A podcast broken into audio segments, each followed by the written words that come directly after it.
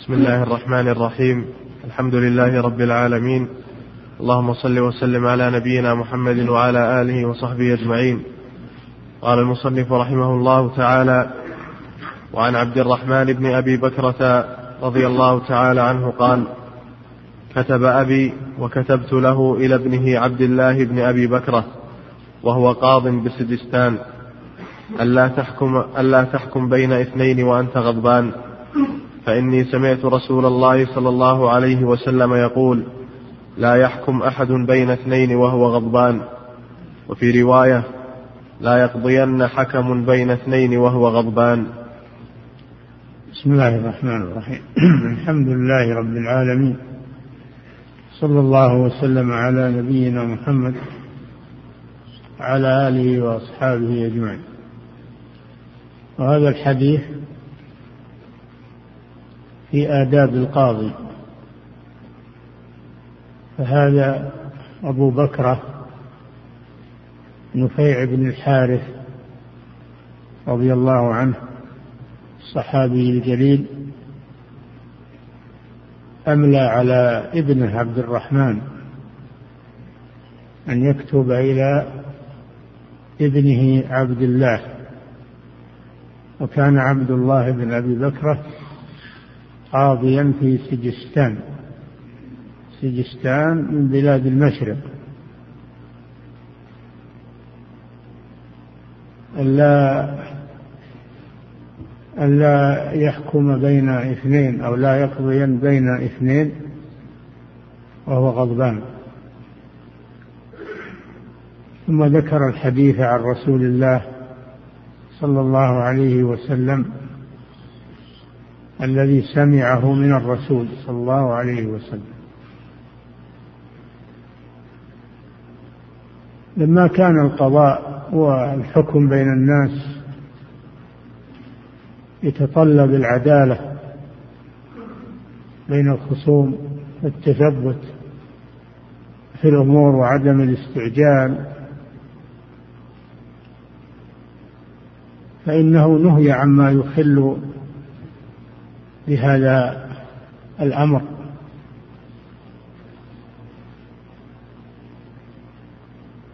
وذلك بأن يقضي أو يحكم بين الناس وهو في حالة لا يتمكن فيها من الاستيعاب وسماع الخصوم وتحري العدل. لأنه مشغول بما هو فيه من العوارض من العوارض التي تشغله. فلا يحكم إلا وهو فارغ البال مطمئن النفس مرتاح الجسم لأن هذا أدعى إلى التروي. وتحري الحق واستيعاب ما عند الخصوم. فهذا فيه اولا نصيحة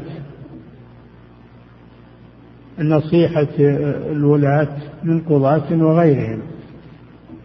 فإن أبا بكرة رضي الله عنه نصح لابنه لما كان قاضيا. وهذا فيه العمل بقوله صلى الله عليه وسلم الدين النصيحة. قلنا لمن؟ قال لله ولكتابه ولرسوله ولأئمة المسلمين وعامته.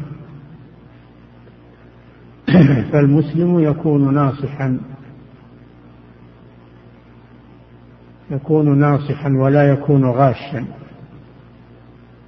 ينصح إخوانه لا سيما المسؤولين منهم لأن هذا من التعاون على البر والتقوى.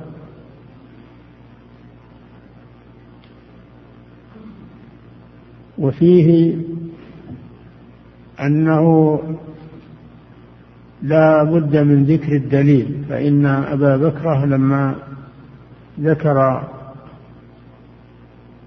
النصيحة لابنه عن القضاء وهو غضبان أتى بالدليل عن الرسول صلى الله عليه وسلم.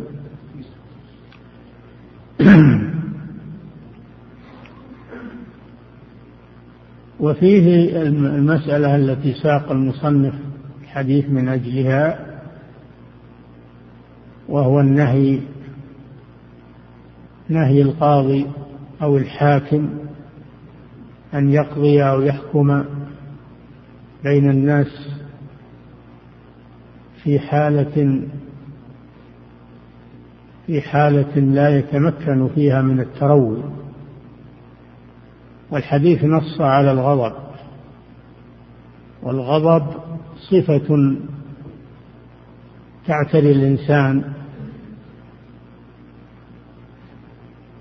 فيخرج عن اعتداله. يخرج عن اعتداله لأمر أثاره. قالوا وهو غليان في القلب. غليان في القلب هذا عند المخلوقين. أما غضب الله جل وعلا فهذا كما يليق بجلاله. سبحانه وتعالى لا يفسر بأنه غليان القلب. ولكن يقال كما يليق بجلاله سبحانه وتعالى. إنما هذا غضب المخلوقين. عبارة عن غيل عن غليان في القلب. ويثور معه الدم ولهذا تجد الغضبان يحمر وجهه. يحمر وجهه لأنه يثور عنده الدم من الغضب. فالحديث نص على صفة ويقاس عليها بقية الأشياء المثيرة كأن يقضي بين الناس وفيه نوم وفيه نعاس وفيه نوم أو يقضي بين الناس وهو مشغول البال بالتفكير في أشياء تهمه أو يقضي بين الناس في شدة حر أو في شدة برد يتأثر بذلك ويطلب السرعة ليتخلص من الأذى. فيقاس على الغضب كل ما كان في معناه من الأشياء التي لا يتمكن القاضي من التروي والاطمئنان. وكذلك وهو وهو شديد الجوع وهو شديد العطش. كل الأشياء التي لا يطمئن فيها فإنه ينهى عن القضاء حالها حتى تزول عنه. وهذا من أجل تحري العدل بين الناس. واستقصاء الأدلة حول القضية والتروي فيها وحتى لو استدعى الأمر أن يستشير أهل العلم فإن هذا من فإن هذا من المطالب للقاضي. ولهذا قالوا يستحب أن يحضر مجلسه فقهاء البلد فيستشيرهم لأن كل هذا من التعاون على إصابة الحق. واليوم والحمد لله القضاء قد نظم بطريقة يحصل فيها التروي القاضي يحكم ويستقبل الاعتراض يرفعه إلى التمييز تمييز يدرس القضية ويدرس الحكم وهكذا. هذا من أيضا من ضبط القضاء والحمد لله. نعم كان القضاة في الزمان السابق لقوة علمهم وإدراكهم يحتاجون إلى هذه الإجراءات. لكن لما كما تعلمون قل الفقه وضعف آه، إدراك القضاة جعل لهم ما يساعدهم ويعينهم على التروي وإصابة الحق والتراجع في الأمور. نعم. وعن أبي بكر رضي الله تعالى عنه قال قال رسول الله صلى الله عليه وسلم ألا أنبئكم بأكبر الكبائر؟ أبي بكر ولا أبي بكره أبي بكر صلى الله عليه نعم. أبي بكر رضي الله عنه. كل الأول أبو بكر. كلكم كذا؟ أبي بكرة مثل اللي قبله. نعم. وعن أبي بكرة رضي الله تعالى عنه قال قال رسول الله صلى الله عليه وسلم ألا أنبئكم بأكبر الكبائر؟ ثلاثا قلنا بلى يا رسول الله. قال الإشراك بالله وعقوق الوالدين. وكان متكئا فجلس فقال ألا وقول الزور وشهادة الزور فما زال يكررها حتى قلنا ليته سكت. وهذا الحديث أيضا أورده المصنف في باب القضاء لما جاء في آخره من شهادة الزور لأن القضاء يعتمد على الشهود. فلا بد من الصدق في الشهادة وعدالة الشهود. قوله إن قوله قول إن النبي صلى الله عليه وسلم قول أبي بكرة إن النبي صلى الله عليه وسلم قال ألا أنبئكم؟ أي ألا أخبركم. ألا أخبركم. فألا أداة تنبيه. وهذا فيه أهمية التعليم عن طريق السؤال والجواب. فإنه لم يبدأهم ويقول أكبر الكبائر كذا بل صدر هذا للسؤال من أجل أن ينتبهوا.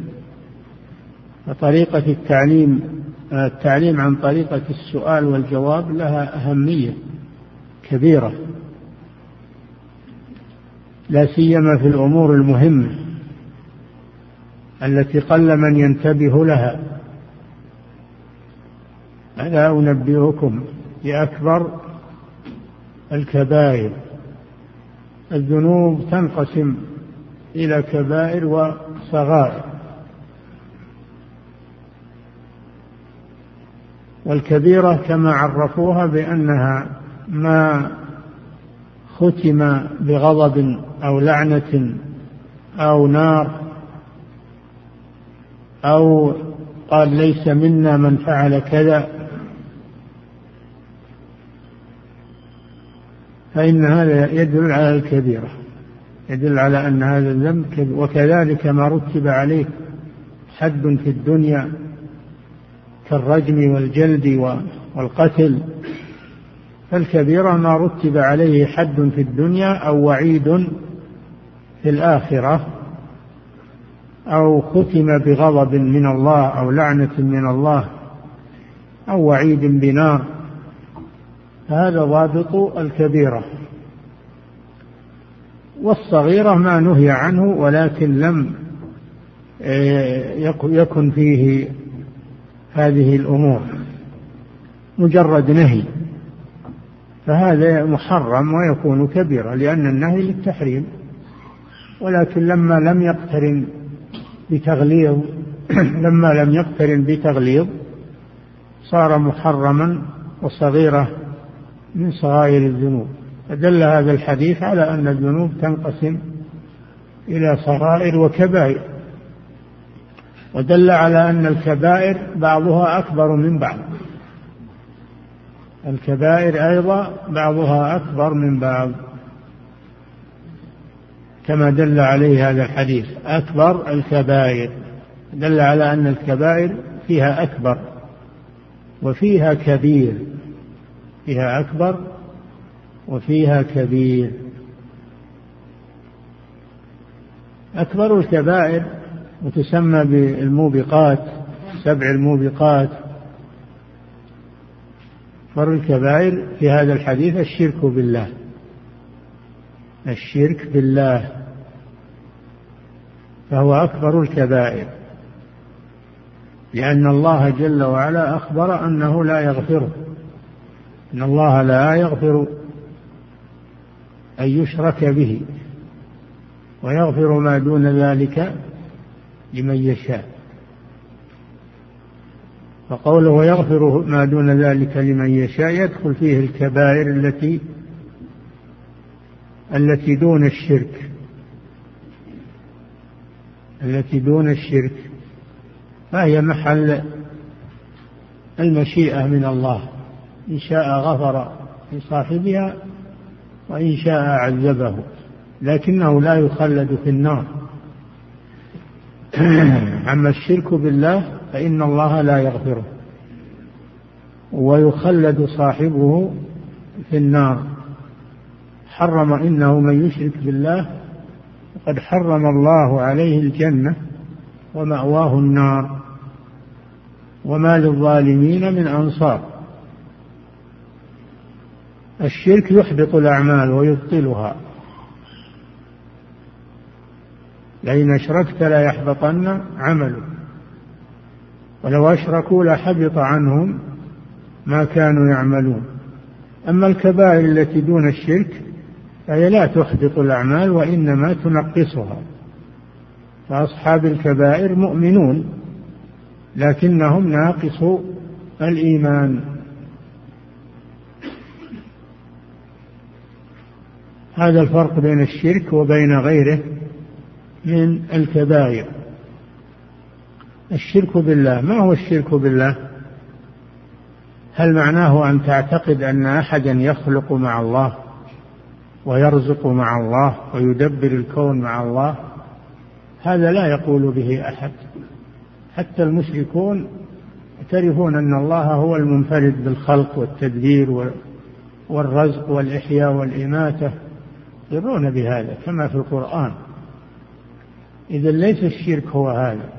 هذا شرك لكن ما في أحد ما في أحد في العالم يقول بهذا. يعتقد أن أحدا يخلق مع الله ويدبر مع الله ويرزق مع الله. ما في أحد يعتقد هذا. حتى عبدة الأوثان ما يعتقدون هذا. وإنما الشرك في الألوهية في الألوهية وهي عبادة غير الله عز وجل. هذا هو الشرك. الشرك في الألوهية. وهو الذي جاءت الرسل تنكره وتنهى عنه. الشرك في الألوهية. هذا هو الذي هو الشرك الذي ثار النزاع فيه بين الرسل وأممهم. ولا يزال النزاع بين المشركين والموحدين في هذا الأمر. الشرك في الألوهية الذي يتخذ مع الله إلها آخر أو يتخذ ربا آخر يتخذ إلها يعني معبودا آخر. بأن يدعوه من دون الله أو يستغيث به وهو ميت أو غايب أو جن أو إنس أو يذبح لغير الله أو ينذر لغير الله. هذا هو الشرك في الألوهية. وهو الذي قام سوق الجهاد من أجله. من أجل أن يعبد الله وحده تترك عبادة ما سواه هذا هو الشرك. لا كما يقوله المغرضون و والذين يشركون في الألوهية ويقولون فعلنا هذا ليس بشرك الشرك في الربوبية. نحن لا نعتقد أن أحدا يخلق مع الله ولا ولكن تقربنا إلى الله بهؤلاء الوسائط. هذا هو قول المشركين الأولين كما قال الله سبحانه وتعالى والذين اتخذوا من دونه أولياء ما نعبدهم إلا ليقربونا إلى الله زلفى. قال سبحانه ويعبدون من دون الله ما لا يضرهم ولا ينفعهم ويقولون هؤلاء شفعاؤنا. عند الله. يقولون يقربون ويقولون شفعاؤنا ويقولون وسيلتنا وواسطتنا عند الله. هذا الذي عليه المشركون الأولون والمشركون المتأخر هم سواء. إذا الشرك هو الشرك في الألوهية. الإشراك بالله يعني في الألوهية. وعقوق الوالدين العقوق الوالدين معصية الوالدين في غير معصيتهما في غير ما أمر الله بمعصيتهما فيه وهو الشرك. وإن جاهداك على أن تشرك بي ما ليس لك به علم فلا تطعهما. فإذا أمر بمعصية فلا طاعة لهما لكن يطاعان في غير ذلك. إن جاهداك على أن تشرك بي وفي الآية الأخرى لتشرك بي ما ليس لك به علم فلا تطعهما. قال صلى الله عليه وسلم لا طاعة لمخلوق في معصية الخالق الوالد وغيره لا طاعة له. في معصية الله لا سيما الشرك. أما ما ما لم يأمر بمعصية الله يجب طاعتهما هذا من البر بهما. قال تعالى وقضى ربك ألا تعبدوا إلا إياه وبالوالدين إحسانا. واعبدوا الله ولا تشركوا به شيئا وبالوالدين إحسانا فيأتي حق الوالدين بعد حق الله. لأن أعظم محسن إليك بعد الله هم الوالدان. اللذان ربيانك وأنت صغير لا تملك لنفسك نفعا ولا ضرا قام بحفظك وتربيتك البدنية والقلبية. ربياك على الخير. فلذلك عظم حقهما عليك. وقل رب ارحمهما كما ربياني صغيرا. ولكن كثير من الناس اليوم آخر عهده بوالديه إذا توظف واستقل إذا تحصل وظيفة واستغنى بزعمه فلا يلتفت إلى والديه وهذا من العقوق. هذا من العقوق. نعم لا مانع أنك تتخذ منزلا أنت وزوجتك وأولادك. تتخذ منزلا خاصا بك ما مانع من هذا. لكن لا تقطع الصلة بهما والبر بهما والإحسان إليهما. وحتى لو أساء إليك لو أساء إليك فلا تقطع الصلة بهما أحسن إليهما ولو أساء إليك. إن جاهداك على أن تشرك بي ما ليس لك به علم فلا تطع فلا تطعهما وصاحبهما في الدنيا معروف. حتى المشرك الوالد المشرك تبر به إلا أنك لا تطيعه في معصية الله لكن لا يسقط حقه عنك. فكيف بالوالد المسلم؟ الواجب على هؤلاء أن يتقوا الله وأن وأن يبروا بوالديهم بالقول والفعل والأدب وحسن الصحبة. لأنهما هما أعظم محسن أعظم محسن إليك بعد الله جل وعلا. فلذلك ذكر الله حقهما بعد حقه. وذكر النبي صلى الله عليه وسلم في هذا الحديث أن عقوقهما من أكبر الكبائر. من أكبر هو كبيرة فقط بل من أكبر الكبائر. عقوق الوالدين. والعق هو القطع. العق والعقيقة هو القطع. ذلك بقطع البر وقطع الصلة معهما. قال رضي الله عنه وكان رسول الله صلى الله عليه وسلم متكئا في أول الجلسة وأول الكلام.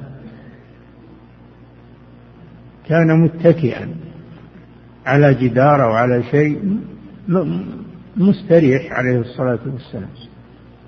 ثم إنه جلس وترك الاتكاء اهتماما بما سيقول اهتماما بما سيقول.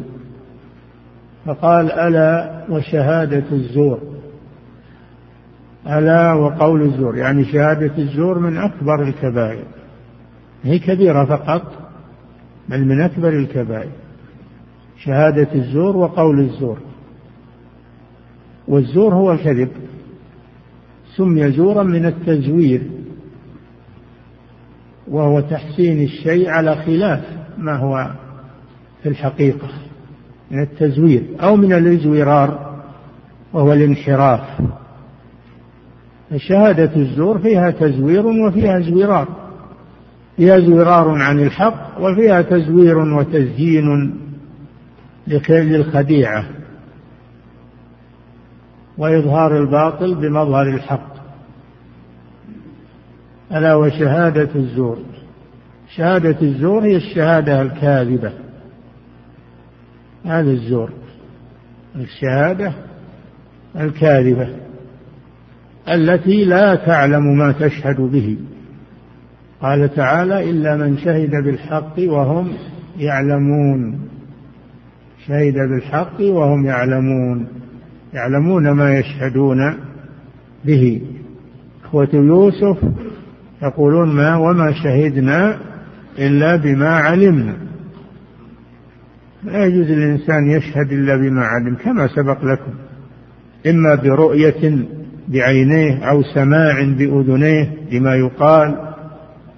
أو استفاضة عند الناس حتى أصبحت الاستفاضة مثل السماع أو مثل الرؤية يشهد بذلك. هذا يحصل به العلم.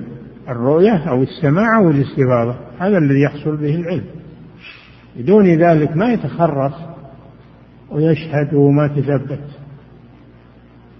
لأن شهادة الزور فيها كذب وفيها اقتطاع للحقوق من أهلها وإعطائها لغير أهلها. وفيها تضليل للحكام. تضليل للحكام. الحكام ما يعلمون الغيب لكن هذا ضل لهم وحملهم على أن يحكموا بغير الحق بسبب بسبب شهادته. ففيها خطر عظيم. ولذلك اهتم الرسول صلى الله عليه وسلم بها. بينما كثير من الناس يعتبر الشهادة شيئا عاديا أو مساعدة يعتبرها مساعدة أو شيئا عاديا روتينيا وقد يقتطع بها أموال الناس وقد يحصل بسببها شر كثير وقد آه، يقدم من أخره الله ويؤخر من قدمه الله بسبب الشهادة شهادة الزور. قد يحرم المستحق ويقدم غير المستحق بسبب شهادة الزور. لا يترتب عليها أضرار عظيمة. ولهذا اهتم بها النبي صلى الله عليه وسلم حين إلقائها على أصحابه. اهتم بها حين إلقائها على أصحابه زيادة على أنه قال ألا أنبئكم بأكبر الكبائر. ربما يسأل سائل فيقول لماذا الرسول صلى الله عليه وسلم في أول الأمر كان متكئا مع أن الشرك هو أعظم الذنوب لماذا لم يجلس؟ مع أن الشرك أعظم من شهادة الزور وعقوق الوالدين أعظم من شهادة الزور. الجواب أن هاتين الجريمتين يتحاشى منهما المسلم يتحاشى من الشرك ويتحاشى من عقوق الوالدين لكن قد لا يتحاشى من شهادة الزور يتساهل فيها يتساهل فيها يقول هذه فزعة مع مع هذا الإنسان أو مساعدة له يجيبه من باب المساعدة ومن باب المناصرة له. وهذا في الحقيقة خطير جدا. فيجب على الإنسان أن لا يشهد بشيء إلا وهو يعلمه. وما لا يعلمه يقول لا أدري. كلمة لا أدري هذه فيها ملجأ عظيم وحصن للإنسان سواء في مسائل العلم أو في مسائل الشهادة. الحمد لله أنت بعافية. قل لا أدري. قل لا أدري. ومن قال لا أدري فقد أجاب. نعم. قال فما زال يكررها حتى قلنا ليته سكت. ما زال صلى الله عليه وسلم. أولا أنه كان متكئا ثم جلس. من الاهتمام. ثانيا كررها. كررها مرارا اهتماما بها حتى أشفق عليه الصحابة لما رأوا عليه صلى الله عليه وسلم من التأثر. فقالوا ليته سكت من أجل أن لا يتأثر صلى الله عليه وسلم لأن الصحابة يسيئهم ما يسيء إلى الرسول صلى الله عليه وسلم. ويشق عليهم ما يشق على الرسول صلى الله عليه وسلم. فلذلك قالوا ليته سكت.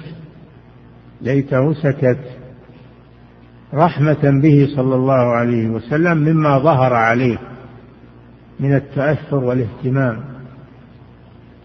مما يدل على أن شهادة الزور أن أمرها خطير والعياذ بالله. وجاء في الحديث أن شاهد الزور لا تزول قدمه يوم القيامة حتى تجب له النار. حتى تجب له النار والعياذ بالله. نعم. وعن ابن عباس وهذا مما يعطي القضاة التحوط في الشهود. خصوصا في زماننا هذا يجب على القاضي أن يتحوط في الشهود. فإذا كان لا يعرفهم فلا بد أن يطلب من يزكيهم أو يناقشهم. يناقشهم في الشهادة كيف علمت هذا؟ متى علمته؟ متى كذا؟ لأنه يظهر كذبه في أول أول سؤال. إذا كان كذابا يظهر من أول سؤال. فينبغي للقاضي أن يهتم بأداء الشهادة عنده فيناقش الشهود وإذا لم يتبين له شيء يسأل عنه يطلب تزكيته. نعم. وعن ابن عباس رضي الله تعالى عنهما أن النبي صلى الله عليه وسلم قال لو يعطى الناس بدعواهم لادعى ناس دماء رجال وأموالهم ولكن اليمين على المدعى عليه. نعم وهذا الحديث أيضا في باب القضاء هو طريق من الطرق الحكمية. طريق من الطرق الحكمية. النبي صلى الله عليه وسلم يقول لو يعطى الناس بدعاواهم لادعى ناس دماء رجال وأموالهم. فأنت لا تستعجل في قبول الدعوة. لا تستعجل في قبول الدعوة. ولو ظهر لك أن المدعي أنه صادق وأنه هي لا تستعجل. لا تستعجل تثبت. جاء رجل إلى علي رضي الله عنه مفقوء العين. يشتكي ويطالب بالقصاص ويبكي. فقال حتى يحضر خصمك. فقال الحاضرون يا أمير المؤمنين مفقوعة عينه تسيل دم. قال ربما أن الآخر مفقوعة عينه. هذا مفقوع عين واحدة لكن ربما أن الآخر المدعى عليه قد فقئت عيناه جميعا. فيجب على القاضي أنه ما يستعجل في هذه الأمور ولا يتأثر بما يظهر له من حالة المدعي أنه صدوق وأنه أنه طالب علم وأنه بن حلال وأنه لا. ما يستعجل. لو يعطى الناس بدعواهم والدعوة هي الطلب. الدعوة هي الطلب والمراد بالمدعي هو الذي إذا سكت ترك. والمدعى عليه هو الذي إذا سكت لم يترك. هذا الفرق بينهم. المدعي من إذا سكت ترك. ما يقال ورا ما تدعي ورا ما تطالب حقك. ما يقال له هكذا كيف أما المدعى عليه ما, ما إذا ادعى على شخص وسكت الشخص ما يترك. يقال ما جوابك عن هذه الدعوة؟ ما قال ما ما ما عندي له شيء ما كذا. يقام يحلف اليمين على المدعى عليه. الحديث الآخر البينة على المدعي. لأن المدعي يدعي خلاف الأصل فهو ضعيف الجانب. فلذلك كلف بالبينة لأنه ضعيف الجانب لأنه يدعي خلاف الأصل لأن الأصل البراءة حتى يأتي بشهود. وأما المدعى عليه فاكتفي منه باليمين لأنه قوي الجانب لأن معه الأصل الأصل البراءة. الأصل البراءة فإذا حلف خلي سبيله. فالرسول صلى الله عليه وسلم رسم في هذا الطريق الصحيح للقضاة. أولا أنهم لا يستعجلون في قبول الدعوة والحكم بها مهما كان المدعي من الورع والتقوى والعلم والفضل لا يستعجلون في هذا. الإنسان بشر. لادعى قوم أو لادعى ناس أموال رجال ودمائهم. لو فتح المجال. فيكلف بالبينة. قال صلى الله عليه وسلم شاهداك أو يمينه. شاهداك أو يمينه.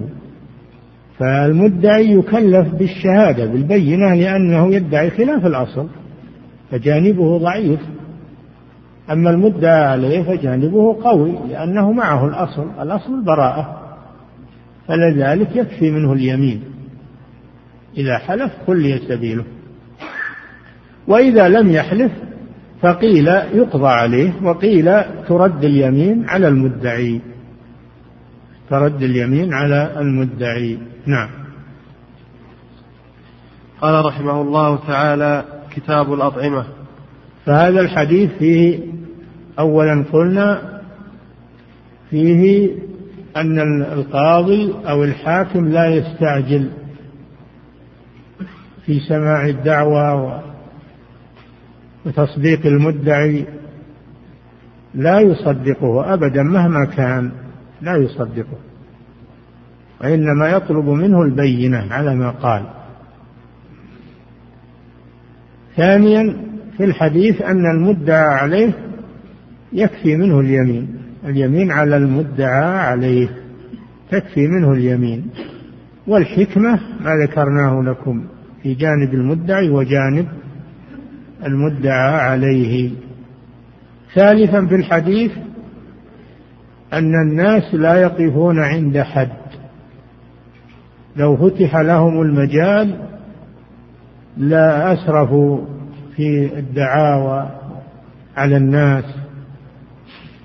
فلا بد من قيد يردعهم وهو الإتيان بالبينة الإتيان بالبينة العادلة. هذا هو الذي يوقفهم عند حدهم. نعم. قال رحمه الله تعالى كتاب الأطعمة. الأطعمة جمع طعام. والمراد به ما يطعم. مراد به ما يطعم. ويغلب إطلاقه على المأكول. يقال طعام يعني المأكول. وقد يطلق على المشروب أيضا. فيقال للمشروب طعاما. إن الله مبتليكم بنار. فمن شرب منه فليس مني. ومن لم يطعمه فإنه مني. فدل على أن الشراب يطلق عليه طعام.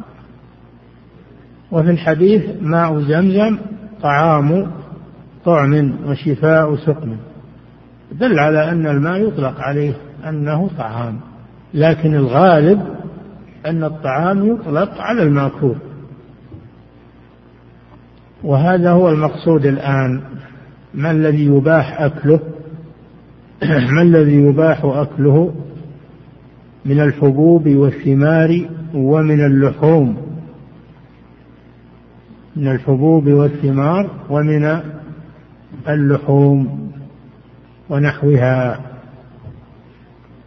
وأما الأشربة فهذه لها باب خاص. الأشربة لها باب خاص. نعم.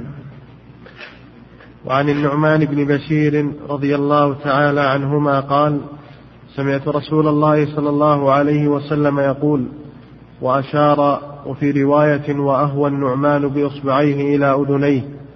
إن الحلال بين وإن الحرام بين وبينهما أمور مشتبهات لا يعلمهن كثير من الناس. فمن اتقى الشبهات استبرأ لدينه وعرضه ومن وقع في الشبهات وقع في الحرام كالراعي يرعى حول الحمى. يوشك أن يرتع فيه. ألا وإن بكل ملك حمى ألا وإن حمى الله محارمه. ألا وإن في الجسد مضغة. إذا صلحت صلح الجسد كله. وإذا فسدت فسد الجسد كله. ألا وهي القلب. نعم هذا حديث عظيم من قواعد الإسلام كما ذكر العلماء. الرسول صلى الله عليه وسلم وضع فيه قاعدة للحلال والحرام. قاعدة عظيمة. فهناك أربعة أحاديث يقولون هي هي القواعد في الإسلام. أحدها هذا الحديث. أحدها هذا الحديث. والثاني ازهد فيما عند الناس يحبك الناس. والثالث دع ما لا يريبك إلى ما لا يريبك. والرابع إنما الأعمال بالنيات وإنما لكل امرئ ما نوى. نظمها بعض العلماء فقال عمدة الدين عندنا كلمات. مسندات من كلام خير البرية. اتق الشبهات وازهد ودع ما لا يعنيك واعملن بنية. أربعة أحاديث. عليها يدور الإسلام. هذا أحدها. نعمان بن بشير بن سعد رضي الله عنهما هو وأبوه صحابيان جليلان. روى هذا الحديث عن النبي صلى الله عليه وسلم وأخبر أنه لم ينقله عن غيره وإنما هو سمع الرسول مباشرة تاكيدا وأشار إلى أذنيه أنه سمعه بأذنيه من الرسول صلى الله عليه وسلم ولم ينقله بالواسطة عن الرسول صلى الله عليه وسلم. قال صلى الله عليه وسلم إن الحلال بين وإن الحرام بين وبينهما أمور مشتبهات لا يعلمهن كثير من الناس فمن اتقى الشبهات فقد استبرأ لدينه وعرضه ومن وقع في الشبهات وقع في الحرام ثم ضرب مثلا فقال صلى الله عليه وسلم كالراعي يرعى حول الحمى يوشك أن يقع فيه. ثم قال صلى الله عليه وسلم ألا وإن لكل ملك حمى. وإن حمى الله محارمه. ألا وإن في الجسد مضغة. إذا صلحت صلح الجسد كله. وإذا فسدت فسد الجسد كله. ألا وهي القلب.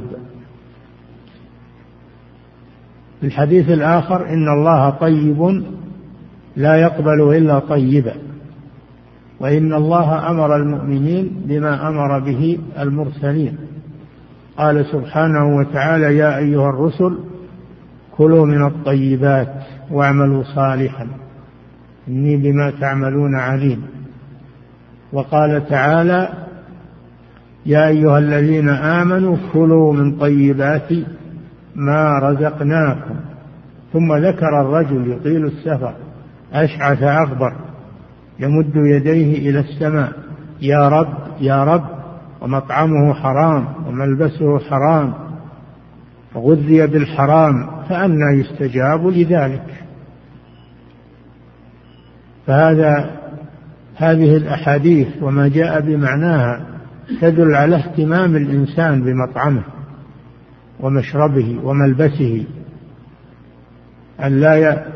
أن لا يتناول إلا الحلال البين ويترك الحرام البين ويتوقف عن الشيء المشتبه الذي لم يتبين حتى يعلمه هل هو حلال أو حرام. توقف عن المشتبه حتى يتبين هل هو حلال ولا حرام ما يستعجل فيه.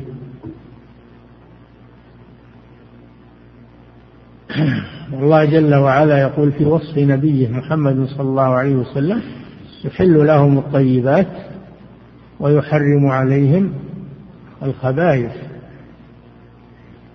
فالطيبات هي الحلال الحلال هو الطيب والخبيث هو المحرم. فهذا حديث عظيم. قال فيه صلى الله عليه وسلم إن الحلال بين كما بينه الله جل وعلا في كتابه أحلت لكم بهيمة الأنعام. أحلت لكم بهيمة الأنعام. كلوا مما رزقكم الله حلالا طيبا. فالحلال بين. ما دل القرآن على حلة أو أجمع المسلمون على أنه حلال. هذا هو الحلال البين. وذلك كالفواكه واللحوم اللحوم التي المذكات من الحيوانات المباحة مباحة الأكل والحرام مثل الخمر مثل آه الربا حل الله البيع وحرم الربا مثل الزنا مثل الزنا ولا تقربوا الزنا إنه كان فاحشة وساء سبيلا مثل الغيبة والنميمة شهادة الزور هذا حرام بين. ما يحتاج إلى بحث وإلى دلت النصوص على أنه حرام. نص الشارع على أنه حرام. أو أجمع العلماء على أنه حرام والإجماع حجة. فما كان حلالا بينا فإنه يؤخذ. ما كان حراما بينا فإنه يترك. ما كان مشتبها لأن دل دليل على أنه حلال ودل دليل آخر على أنه حرام صار متردد تنازعت فيه الأدلة. هذا كثير من الناس لا يعلم كيف يجمع بين الأدلة يتوقف. حتى من العلماء حتى من العلماء منهم من لا يعلم هل هذا حلال ولا حرام. إنما يدرك هذا الراسخون في العلم. ولهذا قال لا يعلمهن كثير من الناس. فدل على أنه لا يعلمهن إلا القليل من الناس وهم الراسخون في العلم الذين يجمعون بين الأدلة يرجحون بين الأدلة عندهم ملكة علم. هؤلاء هم القليل. أما عامة الناس والمتعلمين والمتعالمين والمبتدئون لا يعلمون هذه الأمور. فلا يخوضون فيها ويحللون ويحرمون ويوقعون الناس في البلايا والطوام. فالواجب على هؤلاء أن يتوقفوا ويكلوا هذه الأمور إلى العلماء الذين يستطيعون أن يعرفوا هذه الأشياء هل هي من الحلال أو من الحرام.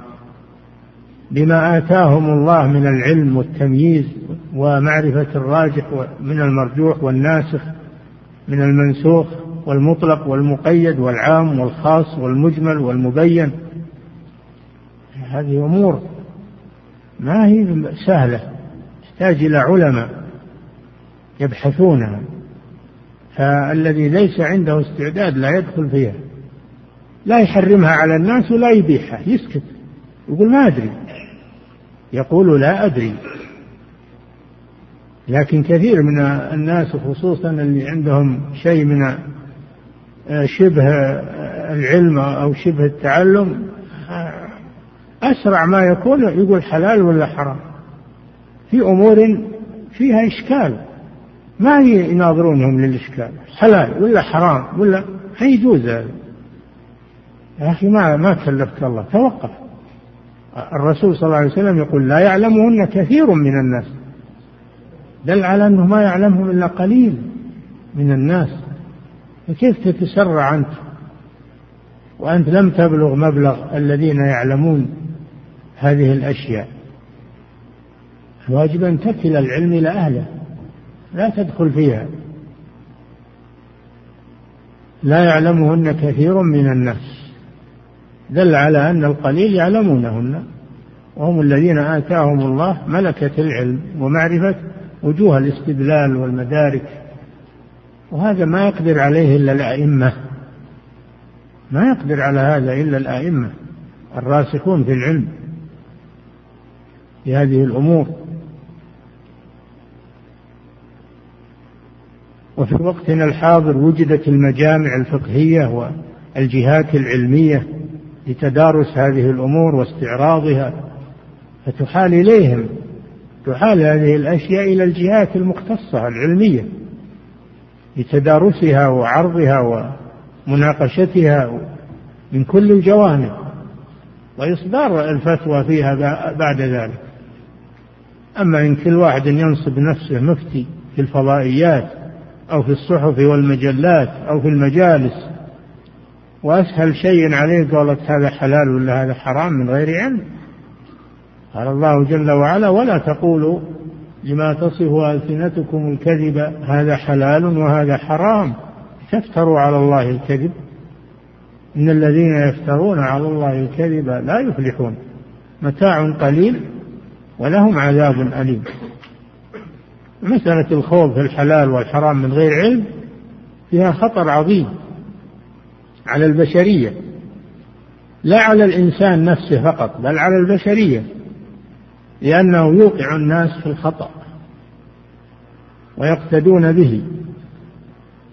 وأغلب الناس ما يناظرون للي يقول هذا حرام يناظرون للي يقول هذا حلال يركضون وراه.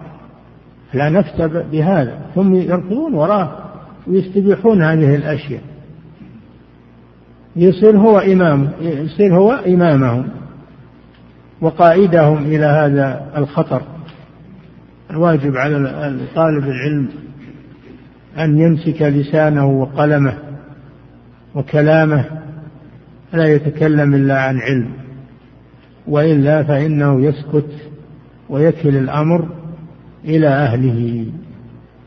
هذا هو المطلوب. ولا يستخفه لا يستخفه الذين يريدون أن يوقعوه. ويتخذونه بوابة من الشركات أو أصحاب المساهمات أو أصحاب البنوك يتخذونه بوابة. يخدعون به الناس يقولون هذا عالم وهذا هذا جامعي هذا كذا ويفتي. يتخذونه بوابة لأغراضهم.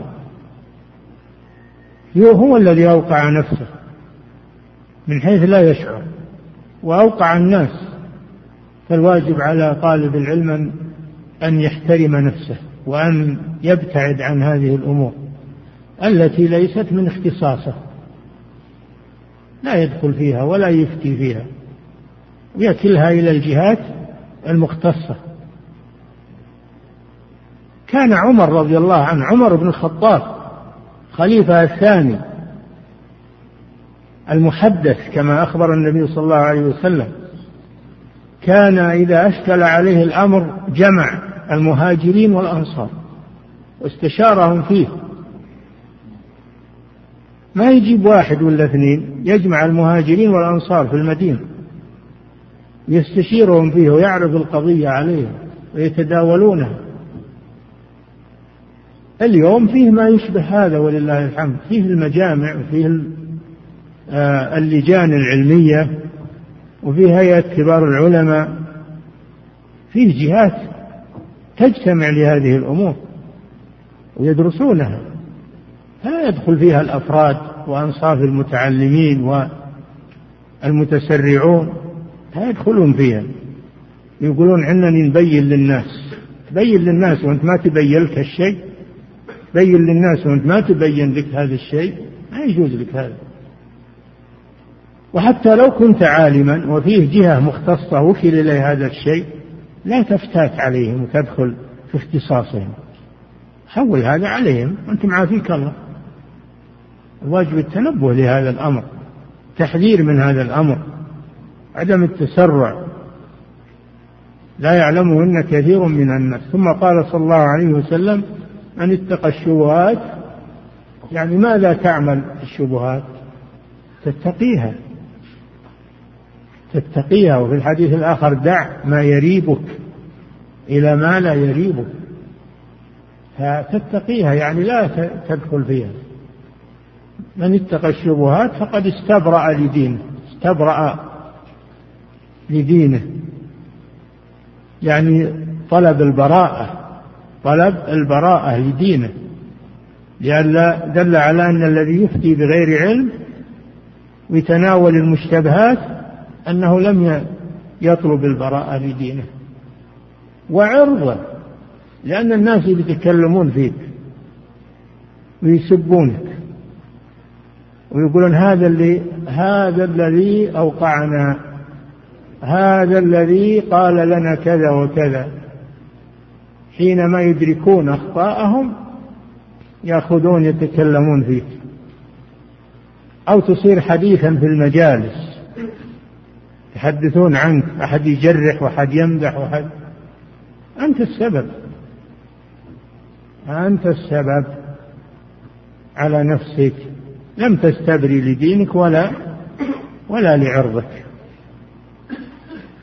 قد استبرأ لدينه وعرضه. ومن وقع في الشبهات يعني أخذها وهي لا تزال مشتبهة لم يتبين فيها وقع في الحرام. لأن هذه وسيلة إلى الوقوع في الحرام. من تساهل بالمشتبهات تساهل في الحرام والدين جاء بسد الذرائع كما تعلمون. فالإنسان لا يتساهل في المشتبهات. لأنه إذا تساهل في المشتبهات تساهل في المحرمات. لأنه عود نفسه على الجرأة وعلى وأن وقع في الشبهات وقع في الحرام لأنه اتخذ الوسيلة. كالراعي يرعى حول الحمى هذا مثل ضربه النبي صلى الله عليه وسلم مثل محسوس. الحمى الممنوع المراد بالحمى المرعى الذي منع ولي الأمر الرعي فيه لأجل أن يكون مرعى لإبل في الصدقة. وإبل بيت المال كما حمى عمر وحمى لإبل الصدقة والرسول صلى الله عليه وسلم حمى لأجل إبل الصدقة وبيت المال. أما الإنسان الفرد والعادي لا يجوز له أن يحمي الحمى لله ولرسوله. لا يجوز للإنسان أنه يمنع الناس من المراعي ومن الموارد يسيطر عليها. هذا خاص بولي الأمر لمصلحة المسلمين. كانوا يتخذون الحمى لأجل دواب بيت المال. يعني لأنها لأن بيت دواب بيت المال لمصلحة المسلمين كلهم. فإذا جاء إنسان ورعى عند الحمى عند الحمى البهائم تتفلت والحمى فيه فيه عشب وفيه تتفلت غصبا عليه تروح ترعى من العشب. ما ما يستطيع يمسكها. لو امسك واحدة ما يمسك الثاني والعاشر فكان الواجب أنه يبعدها عن الحمى لكن لما قرب من الحمى وفيه رعي وفيه عشب كثير وهي جوعة ما يمسكها. كالراعي يرعى حول الحمى يوشك يعني يقرب أن يقع فيه سواء باختياره وتساهله أو أو بغير اختياره هو الذي سبب هذا. فهذا فيه دليل على أن الإنسان يبتعد عن المشتبه يبتعد عن المشتبه كما يبتعد الراعي عن الحمى. ما هو بيترك فقط بل يبتعد عنه. يبتعد عنه لئلا يقع فيه في يوم من الأيام. كالراعي يرعى حول الحمى يوشك أن يقع فيها ألا وإن لكل ملك حمى والظاهر أنه ما يمدينا الحين نتركه للدرس القادم إن شاء الله. لأن كان الشيخ ناصر جاي بيذن نعم. صلى الله عليه سماحة الوالد يقول السائل في قول النبي صلى الله عليه وسلم من مات وعليه صوم نذر من مات وعليه صوم نذر صام عنه وليه. يقول هل هذا الحديث يدل على وجوب قضاء الصوم من ولي الميت أم يحمل على الاستحباب؟ على الاستحباب. ما يلزمه ما يلزم الولي أنه يصوم. لكن إذا فعل من باب إبراء ذمة الميت والبر به لا سيما إذا كان والدا فهذا شيء طيب. نعم. صلى الله عليكم سماحة الوالد يقول السائل قال بعض أهل العلم في شرح حديث النعمان رضي الله تعالى عنه قال أن هذا الاشتباه راجع إلى أمور منها تعارض الأدلة بحيث لا يظهر الجمع ولا الترجيح بينها. هذا اللي ذكرنا نعم. يقول أحسن الله إليكم السؤال هل قوله تعارض الأدلة صحيح أم أن التعارض؟ في الظاهر يعني تعارضها في الظاهر فيما يظهر لك. كلها ما هي متعارضة في الواقع لكن يظهر لك أنها متعارضة وهذا لا يعلم أنها غير متعارضة إلا العلماء هم اللي يعرفون. نعم. أما الجاهل عنده أنها متعارضة. نعم. أحسن الله إليكم سماحة الوالد. يقول السائل هناك من يفتي في أمور الأسهم وهم أشخاص لا نعرفهم ومن أين أخذوا العلم؟ وظهروا علينا فجأة والناس يتسارعون إلى فتواهم وآرائهم في الشركات المساهمة ومنهم من أوصلهم إلى مرتبة كبار العلماء. فما واجبي تجاه من اتبع فتواهم. يا إخوان كما ذكرت لكم هذا له جهات مختصة. أما دامت الجهة المختصة لم تصدر فيه شيئا الإنسان يتوقف. وكون واحد يقول إنه من كبار العلماء أو هو من كبار العلماء يعني من حيث الوظيفة ما ما يضمن إنه ما يخطئ، يخطئ وهو من كبار العلماء. إذا صار وحده يخطئ، لكن لو كان مع المجموعة تدارسوا هذا الأمر هذا أبعد عن الخطأ. أما إنه هو ينفرد ويقول أنا من كبار العلماء حتى ولو كان من كبار العلماء يخطئ. فلا يزكي نفسه. أو الناس يظنون أنه ما يخطي لأنه من كبار العلماء هذا ظن خاطئ نعم صلى الله عليكم سماحة الوالد يقول السائل هل يدخل في الأمور المشتبهات التي ذكرت في حديث النعمان رضي الله تعالى عنه؟ الأسهم في وقتنا الحاضر؟ بلا شك. هذا أقل أحوالها أنها من المشتبهات. وإن كان يظهر منها أنها ما هي من المشتبهات لأن فيها ربا فيها غرر فيها جهالة وفيها قمار. نعم. أحسن الله إليكم. سماحة الوالد يقول السائل إذا اختلف أهل العلم في مساهمة في إحدى الشركات منهم من قال بعدم جوازها ومنهم من أفتى بجوازها فما الواجب حول هذه المساهمة؟ أول شيء تشوف منهم هل مختلفين هل هم علماء ولا ما هم بعلماء. ثانيا لو قدر أنهم علماء واختلفوا توقف أنت. توقف. ما دام اختلفوا فالمسألة فيها محذور. توقف عنه ابتعد عنه نعم. أحسن الله إليكم. سماحة الوالد يقول السائل هل تعريف من عرف الشرك بأنه صرف شيء لغير الله فيما هو من خصائص الله؟ فهل هذا التعريف صحيح؟ مجمل هذا تعريف مجمل ما ما يكفي. هذا لا يكفي. الشرك هو عبادة غير الله هذا هو التعريف الصحيح الواضح اللي ما فيه لبس. هو عبادة غير الله بأي نوع من أنواع العبادة الذبح أو النذر أو الدعاء أو الركوع أو السجود أو غير ذلك. نعم.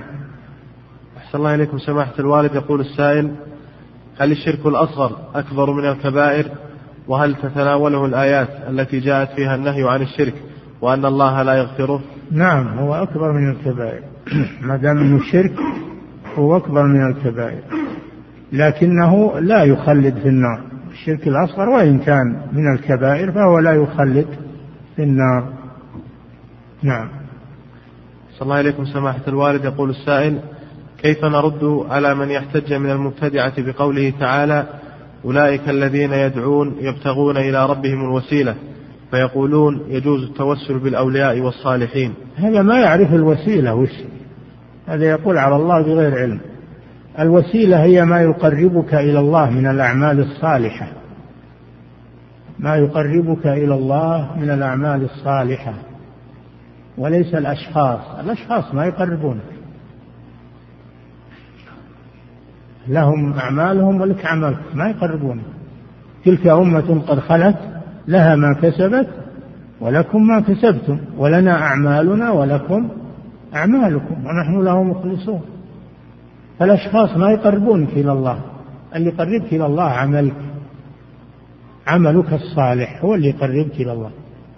ولهذا قال اتقوا الله وابتغوا إليه الوسيلة. الوسيلة يعني تجيب شخص. لا الوسيلة العمل الصالح. أولئك الذين يدعون يبتغون إلى ربهم الوسيلة. هل المراد المسيح ومريم هل كان المسيح يأتي بشخص يجعله بينه وبين الله ويبتغي الوسيلة إلى الله بشخص؟ من قال هذا؟ إن الأنبياء يتخذون وسائل بينهم وبين الله. الآية نزلت في المسيح عليه السلام.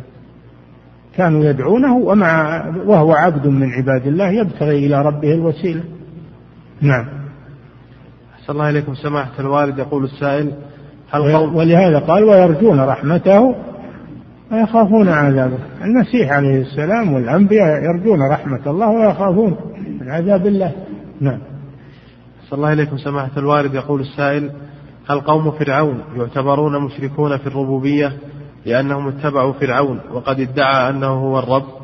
المعطلة ما هم مشركون هؤلاء معطلة لا لا يقرون بالرب.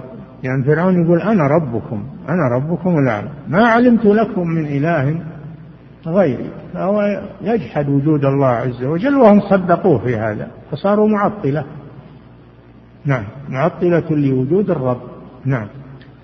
أحسن الله إليكم سماحة الوالد يقول السائل ومثله كل الملاحدة اللي لا يعترفون بوجود الله ويقولون الشيء طبيعة الطبيعة هي اللي توجد الأشياء ويقولون إن, إن ما يهلكنا إلا الدهر نموت ونحيا وما يهلكنا إلا الدهر ولا ينسبون هذا إلى الله جل وعلا هؤلاء يقال لهم دهرية ومعطلة.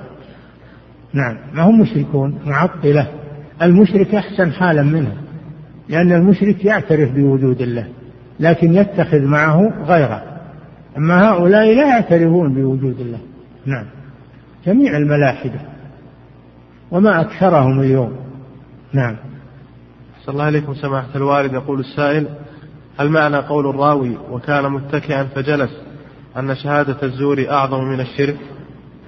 لا ما هي بعض من الشرك لكن يتساهل الناس. قلنا هذا ما سمعتم؟ قلنا السبب أن الناس يتساهلون فيها بينما يتحاشون من الشرك ومن عقوق الوالدين.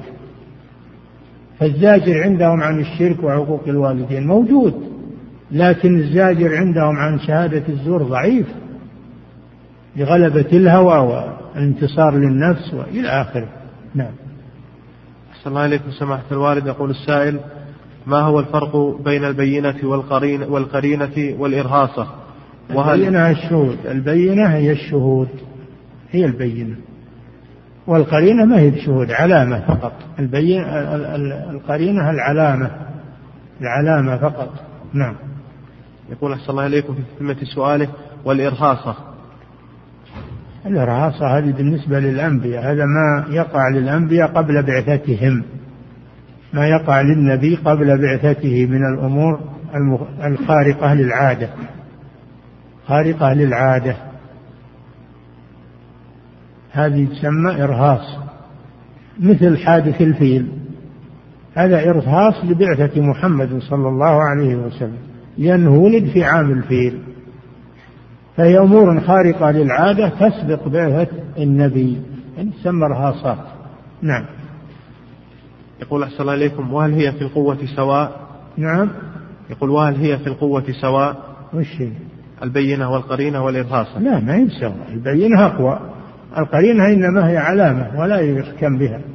ما يحكم بها لكن يستأنس بها فقط. نعم. أحسن الله إليكم سماحة الوالد. يقول السائل هل الاستمرار على فعل الصغيرة يحولها إلى كبيرة؟ إذا إذا استمر عليها متهاونا بها صارت كبيرة. نظرا لأنه استهان بطاعة الله عز وجل. نعم. أحسن الله إليكم. سماحة الوالد يقول السائل ما الحكم إذا ألزم شخص على الآخر ذبح شاة؟ إذا؟ إذا ألزم شخص على آخر ذبح شاة. لأنه أخطأ عليه في كلمة ما ويسمونه حق للمخطئ عليه. ما يجوز. قال الله جل وعلا ولا تأكلوا أموالكم بينكم بالباطل. هذا من أكل المال بالباطل. لا يحل مال امرئ مسلم إلا بطيبة من نفسه. فلا يجوز هذا الشيء. نعم. يقول أحسن الله إليكم خرج في التلفاز من يمثل القضاة بصورة بشعة في المظهر وأنهم لا يتورعون في الحكم وأنهم ظلمة. هل هذا من الاستهزاء في الدين؟ حسابه على الله حسابه على الله. هل تظنون أنه بيهمل ويروح؟ بس. هذا حسابه على الله. والله له بالمرصاد. وسيقع في يوم من الأيام يندم فالله يمهل ولا يهمل سبحانه وتعالى. نعم. صلى الله عليكم سماحة الوالد. يقول السائل هناك من يتهم كثيرا من المجامع الفقهية بالتقصير وعدم نعم. يقول هناك من يتهم كثيرا من المجامع الفقهية بالتقصير وعدم الفتوى في كثير من المسائل التي الناس بحاجة إليها مما فتح المجال أمام الكثير من طلاب العلم للاجتهاد. فما رأيكم في هذا؟ رأيي اطلبوا منه. ما دام أن العلماء قصروا وأن المجامع الفقهية قصرت هو يقوم بالواجب. جزاه الله خير. يقوم بالواجب. يعني هذا دليل على أنه عنده علم أكثر من ما عند المجامع. فيقوم بالواجب هو. نعم. صلى الله إليكم سماحة الوالد. يقول السائل الحكمان المطلوب منهما الإصلاح بين الزوجين. هل طلبهما من حق القاضي أم أنه من حق الزوجين؟ لا من حق القاضي. هو القاضي هو اللي يأمر بالحكمين من صلاحيات القاضي. نعم. أحسن الله إليكم سماحة الوالد. يقول السائل هناك فتوى لبعض طلبة العلم أنه يجوز بيع وشراء أسهم الشركات التي تتعامل بالحلال وفيها بعض المعاملات المحرمة مثل الربا. إذا كانت هذه المعاملة المحرمة قليلة بنسبة خمس بالمئة بشرط إخراج هذه النسبة من الربح. فهل هذه الفتوى صحيحة؟ الله جل وعلا لعن اليهود بأخذهم الربا. أخذهم. ما هو بأكل فقط؟ مجرد الأخذ. مجرد الأخذ استحقوا به اللعنة وأخذهم الربا وقد نهوا عنه. فلا يجوز أن يؤخذ الربا ولو درهم واحد. وجاء في الحديث أن الدرهم الواحد من الربا أشد من ست وثلاثين زنية. والعياذ بالله. فلا هناك شيء قليل يتسامح فيه من الربا. ما دام فيه ربا فإن المعاملة تترك.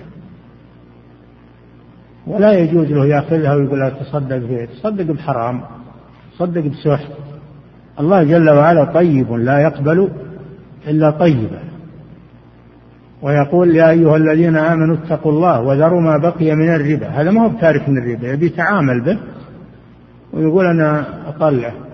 وين تطلع طلع خبيث. هذا بعد أشد من إنك تعطي الناس شيء حرام شيء خبيث. نعم. أحسن الله إليكم. سماحة الوالد يقول السائل قال بعض أهل العلم في شرح حديث النعمان عند قوله لا يعلمهن كثير من الناس أي أن كثيرا من الناس يعلمه وكثيرا من الناس لا يعلمه لأنه قال كثير ولم يقل أكثر كما في قوله تعالى وكثير من الناس وكثير حق عليه العذاب فما رأيكم في هذا؟ الكثير يقابله القليل يا أخي. الكثير يقابله القليل. دل على أن الذين يعلمونه قليل مقابل الكثير. نعم. أحسن الله إليكم سماحة الوالد. يقول السائل هل يصح القول أن كل مشرك كافر وليس العكس؟ وما الفرق بينهما؟ نعم بينهما عموم وخصوص. كل مشرك فهو كافر وليس كل كافر مشركا. لأن الكافر قد يكون معطلا لا يقر بوجود الله عز وجل. وقد يكون مشركا كافرا كفر الشرك يقر ويعبد مع الله غيره. فالمشرك أعم من الكافر. نعم. أحسن الله إليكم. سماحة الوالد يقول السائل ما هو الواجب على المسلم حيال ما يفعله الرافضة في الحرم النبوي وعند مقبرة البقيع من شركيات وتوسل بالقبور. ما يسعه إلا يبلغ المسؤولين يبلغ المسؤولين عما يحصل ويجيب لهم إثبات يثبت ما ما يقول وتبرأ ذمته ويصير بذمة المسؤولين. نعم. أحسن الله إليكم. سماحة الوالد يقول السائل ما رأيكم في من يفتي بجواز الاشتراك في أسهم الشركات الجديدة بدعوى أننا لا نعلم حالها ولا نحرم إلا ما أحل الله أو ما ليس لنا علم به. ثم إذا تبين أمرها فإننا نحكم فيها. فهل ما يدعيه له وجه من الصحة؟ هذا تلبيس. حالها معلوم لها أنظمة. ما هي ما ما يؤذن لها تفتح شركة ولا تعطى رخصة إلا بعد ما تقدم النظام نظامها. وينظر في نظامها. ويعرف هل هي هل هي شركة صحيحة أو لا. ولا يكفي نظامها لأن قد تكتب نظام جيد وممتاز لكن ينظر تعاملها أيضا. ينظر تعاملها ينظر أمرا. أولا النظام وثانيا التعامل والتطبيق. فاللي يقول إن الأصل فيها ما هو ما هو صحيح ما هو بالأصل فيها كذا. نعم. أحسن الله إليكم سماحة الوالد. يقول السائل رجل كبير بالسن أناب عنه صديقه لرمي الجمار. نعم. يقول أحسن الله إليكم رجل كبير في السن أناب عنه صديقه لرمي الجمار في اليوم الثاني عشر وطاف طواف الإفاضة مع الوداع طواف واحد بعد ظهر اليوم الثاني عشر خوفا من الزحام. فهل عمله صحيح؟ مع أنه بقي في الحرم إلى بعد إلى ما بعد الغروب. هو المشكلة أن الإنسان يحج ويتكلف هم يتلاعب بالحج. ويقدم ويوخر ويقول أخاف من الزحام. يا أخي تأخر لما يخف الزحام. من اللي طاردكم؟ من اللي من اللي متابعك حتى تخرج من مكة؟ اشترع لما إنه يخف الزحام. لو عقب يوم يومين. لا تكلف نفسك. تجي حاج من بعيد وتلاعب بالحج تقول اخاف من الزحام. انتظر انتظر يوم يومين لما يزول الزحام. تأدي الحج. في ليل أو في نهار أو في في فرص. هذه ناحية. الناحية الثانية لا يجوز له أن ينفر من منى إلا بعد إخلاص المناسك كلها. فإذا كمل المناسك ينفر من منى. نعم. أحسن الله إليكم يقول السائل ما هي الأيام المستحب الصوم صومها من الح... نعم. يقول أحسن الله إليكم ما هي الأيام المستحب صومها للحاج في الأيام العشر الأولى من ذي الحجة؟ نعم العشر الأولى يستحب صومها للحاج وغيره لكن يوم عرفة لا يستحب صومه لغير الحاج أما الحاج فيستحب أن يفطر. نعم. انتهى. أحسن الله تعالى أعلم صلى الله وسلم على نبينا محمد وعلى آله وصحبه.